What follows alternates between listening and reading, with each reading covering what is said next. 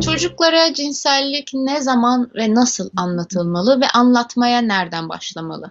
Biliyorsunuz ki önemli bir konu. Özellikle bizim toplumumuz demek durumundayım. Bizim toplumumuz gibi cinselliğin tabu kabul edildiği toplumlarda veya bu şekilde zorlandığı toplumlarda cinsel konuşmak çok ürkütücü geliyor ebeveynlere ve nerede ne zaman konuşacaklarını da kestiremiyorlar. Ve haklı bir arayış. Onun için en azından bir soruyla bir destek başlatmış olalım. Karşı cinsin cinsel organını merak eden çocuğa nasıl bilgi vermeli? Oğlum 11 yaşında e, henüz konuyu sormadı fakat babası yine de bu konuyu onunla konuşmalı mı? Bu direkt aslında kişisel soru almıyoruz ama bu kişisel soruya girmiyor. Genel bir yapıya olduğu için daha iyi olduğu için aldık. Cinsel bölgeyi tarif ederken özel bölgemiz mi demeliyiz yoksa isimleri ile mi çocuklara bu bölgeleri anlatmalıyız? Şey sorusu var bu klasik geldi. Çocuklar eğer anne babaları cinsel ilişki yaşarken görürlerse nasıl tepki vermeliyiz?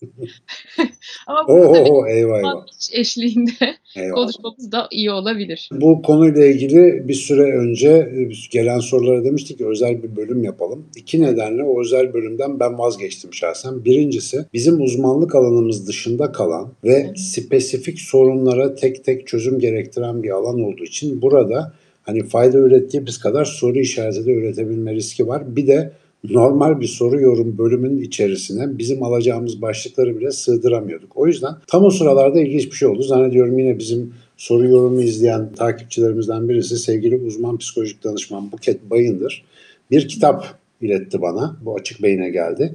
Nasıl anlatsam çocuk ve ergenler için cinsel eğitim rehberi. Çok derli toplu güzel hazırlanmış bir kitap. Mu- muhtemelen piyasada başka kitaplar da vardır böyle ama tam bunun üzerine geldiği için ben hem kendisine bir teşekkür etmek sağ olsun böyle güzelce de imzasıyla göndermiş. Şöyle yapınca aa gözüküyor. Biraz da şimdi görünüyor. Evet geldi. Oldukça detaylı yani sadece çocuklara cinselliği anlatma konusu değil. O yaklaşık 103. sayfadan sonra ona irice bir bölüm ayrılmış. Ama çocukta bütün cinsel gelişim, farklı evrelerde çocukların yapacağı cinsel hareketler, işte çocuklarda mastürbasyon durumları şudur budur.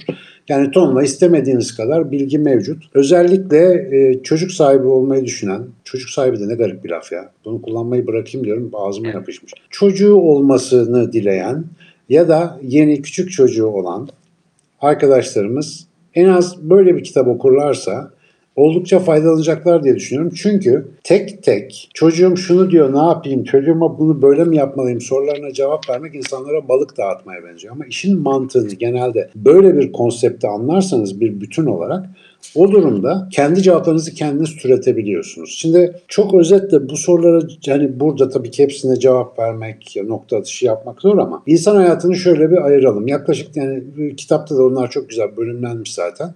0-2 yaş bandı çocukların henüz bilişsel gelişimlerinin oturmadığı, benlik algılarının, cinsellik algılarının bildiğimiz anlamda ortaya çıkmadığı bir dönem. Şimdi bu dönemin gereksinimleri ayrı. Bir kere bu dönemde zaten çocukla konuşmak diye bir şey söz konusu değil. Hani konuşarak iletişim kurmak çok sınırlı düzeyde ancak olabiliyor. Bu dönemde mesela en sık görülen şeylerden bir tanesi çocuklar cinsel organlarıyla oynamaktan hoşlanırlar. Çünkü vücuttaki en duyarlı yerlerden bir tanesidir. Ağız gibi, dil gibi, göz gibi.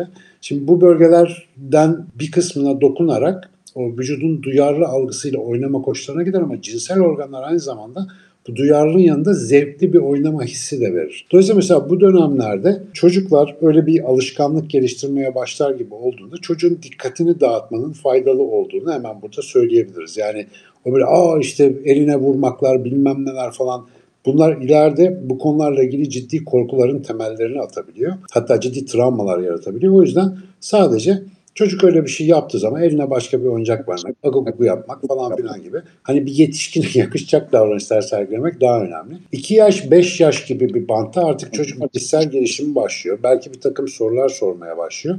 Ve orada bu kısım çok önemli. Şimdi çocuklar yaşla gelişmiyorlar. Evet yaş grupları var ama her çocuğun bilişsel gelişim düzeyi, sosyal ilişki tipi farklı. Çocukların anlayabileceği düzeyin üzerine çıkmadan, işte burası ustalık gerektiren kısım, onların sorularına net ve sakin cevaplar verebilmek. Burada esas önemli olan anne babanın tavrı. Çocuk cinsellikle ilgili bir şey sorduğunda eli ayağı birbirine dolaşmalar, geçiştirmeler, kızmalar. Mesela bunlar cinsellik konusunun ileride o çocuk, o işte ilerideki genç ve yetişkin için ciddi bir problem oluşturmasına neden olabilir ki toplumumuzda birçok problem aslında buralardan başlıyor. Çünkü aileler bu konuyu ayıp bir konu olarak kodladıkları, çünkü onlar da kendi ailelerinden öyle gördükleri için aynı döngüyü devam ettiriyorlar. Bir kere 2-3 yaşından büyük bir çocuğun cinsellikle ilgili bütün soruları sormaya hakkı vardır. Hele ki böyle bir dönemde, internet döneminde, sosyal medya döneminde her türlü soruyu sorması gayet doğaldır. Eğer cevaplarını bilmiyorsak, nasıl cevap vereceğimizi bilmiyorsak, topu ona atarak sen nasıl düşünüyorsun, sen sence nasıl oluyor gibi sorularla sohbet başlatarak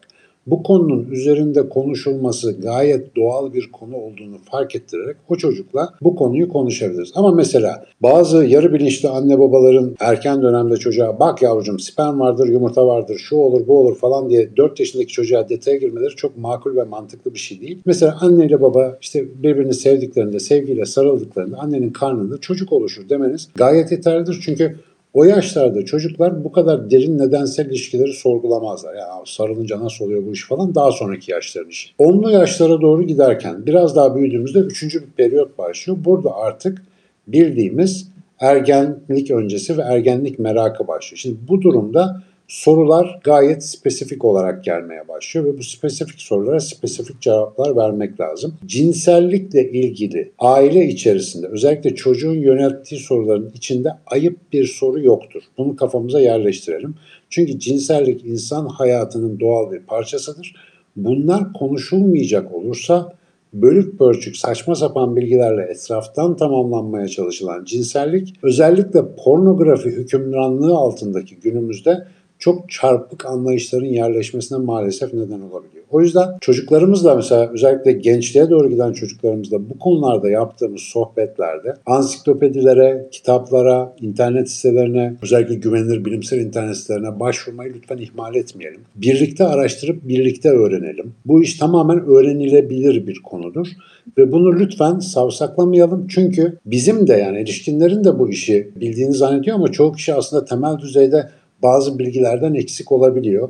Biz mesela meslek olarak işte biyoloji, fizyoloji, psikolojiyle falan uğraşan insanlar biraz daha yakinen bu meseleleri belki biliyorlar ama bu mesleklerin dışındaki insanlar aslında biraz da hani mesele böyle geleneksel olarak yaşıyorlar. Dolayısıyla böyle sorular geldiğinde bunu bir fırsata çevirmeyi öğrenmek lazım. Biraz önce bir soru vardı 11 yaşına geldi çocuğum hiç sormuyor falan diye. Şimdi bu da özellikle bir sorunun ya da sorun potansiyeli taşıyan bir durumun işareti olabilir.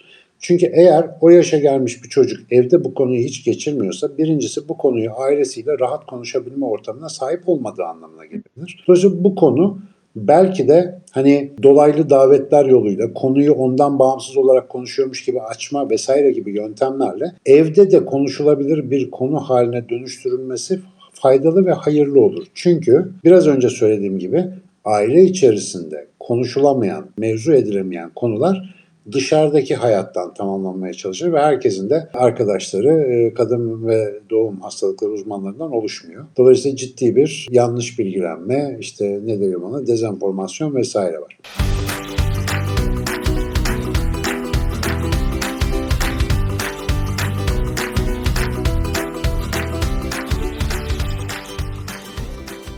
Çocukların özellikle erken yaşlarında cinsel istismara karşı bedenlerinin kendilerine özel olduğunun iyi öğrenmeleri lazım. Bunun için erken yaşlardan itibaren çocukların anne ve babaların çıplak vücutlarını ve kendi çıplak vücudunda birbirlerini kolaylıkla göremeyeceğini öğrenmesi lazım. Yani bedensel mahremiyetin erken dönemde öğretilmesi gerekiyor ve biraz önce bir soru vardı galiba işte özel bölgeler mi diyelim isimleriyle mi hitap edelim. Erken yaşlarda yani 3-4 yaşlarına kadar özel bölge sözü gayet uygun ve işlevsel.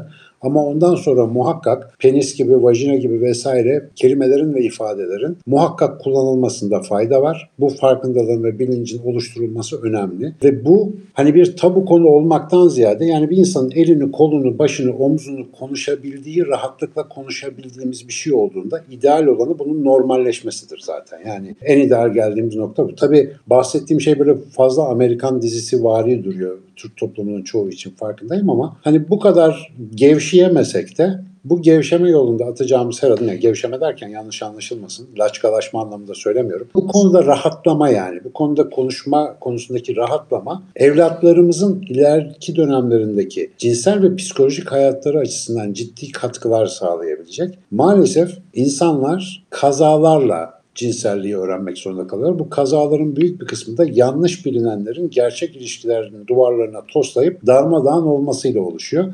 Ya eninde sonunda herkes öğreniyor ama olaya biraz erken başlamak, bilinci biraz erken kazanmakta hiçbir zarar yok. Ve neticede böyle bir kitabı özellikle hani anne baba olmayı düşünen arkadaşlarımızın erken dönemde şöyle bir tetkik etmeleri ve bu konuya biraz hazırlanmaları önemli olacak. Gerçekten Türk toplumunda arızalı bir konudur. Benim de bu konuyla ilgili ilginç bir anım var. Gençlik döneminde yani tabii bugün olduğu gibi o gün de o konulara çok meraklıydım. 7'li 8'li yaşlarında ben bütün cinsel bilgiler ansiklopedilerini falan yutmuştum. Her şeyi gayet iyi biliyordum. 10'lu yaşlarımda babam bana bu konuyla ilgili bir konuşma yapmaya kalktığında ben kendisine birazdan dedim baba dedim yanlış biliyorsun öyle değil böyle falan diye aramızdaki son konuşma konuyla ilgili öyle olmuştu. Ya biraz geç kalmamak da lazım. Tabii her çocuk benim gibi şanslı değil. Benim gibi şanslı derken yani o konuda çok kaynağa ulaşabilme, ailemde sağlık çalışanları olduğu için bu konular üzerinde sohbet edebilme şansı bulduğum insanlar fazlaydı. Ama tabii ki bu bilgilerin bölük pörçük yerlerden karşılanması da çok iyi sonuçlar doğurmuyor. Bu izahtan vareste çoğumuz hayatımızda şöyle geçmişe doğru bakalım. Bu konuyla ilgili ufak ufak travmalarımızı sanıyorum hepimiz fark edeceğiz. Sanıyorum bu genel çerçeve yeterli. Tabii karşımıza bir uzman psikolog var. Klinik psikolog sevgili Ayşenaz Hazal Sezen. Onun da ekleyeceği bir şeyler olabilir bu konuda. Eğer istiyorsa bir de senden alabiliriz. Hocam zaten e, en başta konuştuğumuz üzere siz de o belirttiğiniz önemli kısımları hani çocuklara hangi yaş grubunda hangi kelimelerle ifade edilmesi gerektiğini belki şeyi sadece açmak gerekebilir yorumlarda daha sonra da eleştiri olarak diyor musun? Yani çocuğa sarılmak dediğimizde bahsettiğimiz şey a sarıldı işte hamile kaldım değildir. Çocuklar zaten bu şekilde düşünmüyorlar. Anne baba birbirini çok sevdi. Birbirini çok sevdiğinde sarıldığında sen geldin dünyaya. Gibi. Çocukların zaten soyut algıları daha gelişmediğinden somut algıladıkları için 6-7 yaş dönemine kadar sizin anlattıklarınızdan farklı tahayyül ediyor olacaklar dünyayı.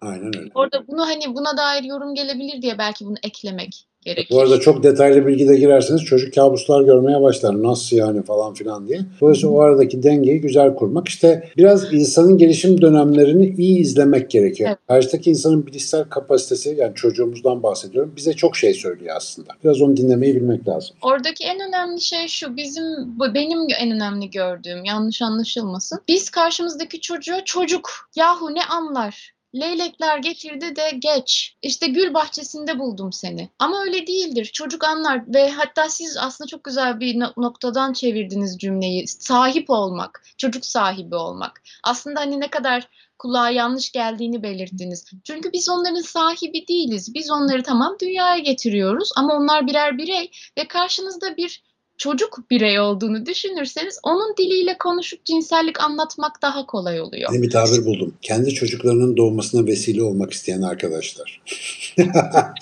Biraz uzun oldu ama Evet. dünyaya çocuk gelmesine vesile olmak isteyen daha güzel bence. Çünkü ancak bir vesilelik oluyor. Bu arada Ayhan Arıcan demiş ki ansiklopediyi önüne koyunca yeterli olacak çocuklarımızın olması da şans olabilir sanırım. Yalnız ben bir yere atlamışım. Biz o kadar ansiklopedi okuduk, bilgi aldık ama yalan yanlış bilgimiz de o kadar fazlaymış ki ilerleyen zamanda gördük efendim. Her şey ansiklopedilerdeki gibi olmuyor. Dolayısıyla ansiklopedide her şey olmadığı için onu da dış dünyadaki sanrılardan tamamlıyorsunuz. Bir de tabii biraz hayal gücünüzle. Oho biz daha sonra baltalarını taşa vurduk canım. Bir kere bunlar olacak. Yani ya bir konuyu bir kere daha altını çizeyim. Bu çocuklarla ilgili her konu olduğunu söylüyoruz ama ya lütfen şu her şeyi mükemmel yapan anne baba ve dönemine göre mükemmel yetiştirilmiş çocuk algısını bırakalım. Öyle bir şey yok. Yani hepimiz bir şeyleri yanlış yapacağız. Hepimiz bir yerlerde bir şeyleri eksik bırakacağız. Hepimiz bir yerlerde sorun yaşayacağız ki bunlar hayatta gerçek deneyimsel öğrenmelerimize vesile olsun. Yani esas olan aslında hatalardır. Ha bunları böyle içinden çıkılmaz sorunlar haline getirmemek için aslında bir şeyler anlatıyoruz. Yoksa ben en ideal anne baba olacağım, çocuğumu dakikası dakikasına uygun bilgiler vereceğim. Ya böyle bir anne baba yok zaten. Dolayısıyla en kadim, en güzel değişimizi burada bir daha tekrarlayarak diyorum ki çok da şey yapmamak lazım. en sevdiğim şey bu yani. Çok da şey yapmamak lazım.